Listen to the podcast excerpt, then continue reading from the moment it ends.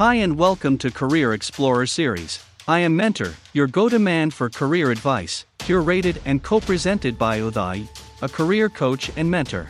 You may find it challenging to understand the concept of self assessment. Some things are abstract concepts. It would really help when you had a depth understanding of yourself. You have to sit and discuss with someone who knows you very well. It can be your mother, sister, brother, father, your close friend, or any of your well wisher with whom you share most of your time.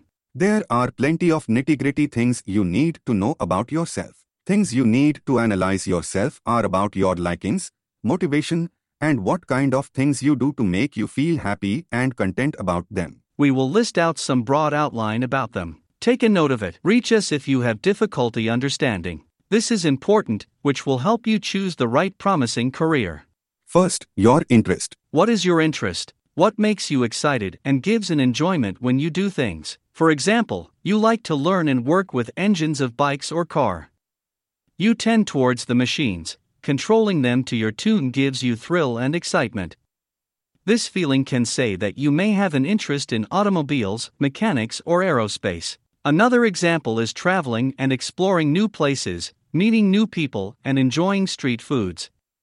You eagerly look forward to trips that give you excitement. The thrill you want in exciting trips and the adventures you explore in those trips can tell that you have an interest in traveling job. Understanding your interest will assist you in identifying what jobs gives you excitement. Next, your personality plays a significant role. What is your personality? And how to identify it? Every individual is unique and has a characteristic feature. You may react and undergo a particular situation differently. Identifying your core personality traits can take time as it involves understanding your behavior in certain conditions.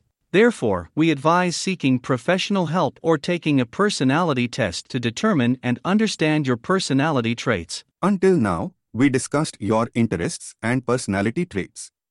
These are basic facts that can help you to identify and choose your career choices. Following this, we would like to share information about in-depth self-assessments done by professional career counselors. They also explore your potential strengths, emotional quotient, and orientation style.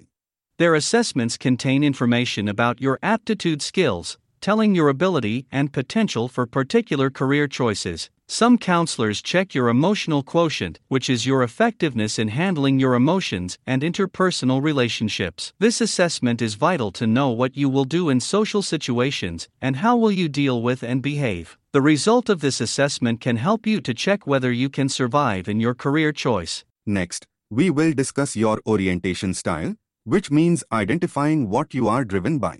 Let me quote some example. Someone may be good with work tasks, in which you have to deal with facts, number, records, files, and data.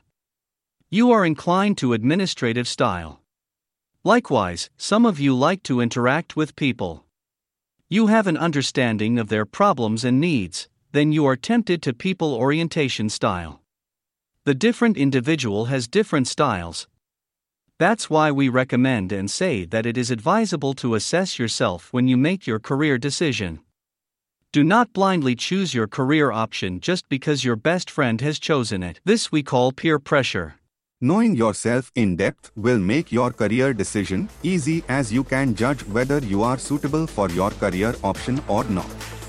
With this note, we have come to the end of this episode. Share this podcast with someone you really like. Remember, sharing is a way of caring. Your support can change someone's life. Follow us on Facebook, Twitter, Instagram, and LinkedIn for more career related information like this. If you are interested in professional career assessment, do reach us online. See you soon in the next exciting episode. Until then, it's the mentor signing off from you. Bye and take care.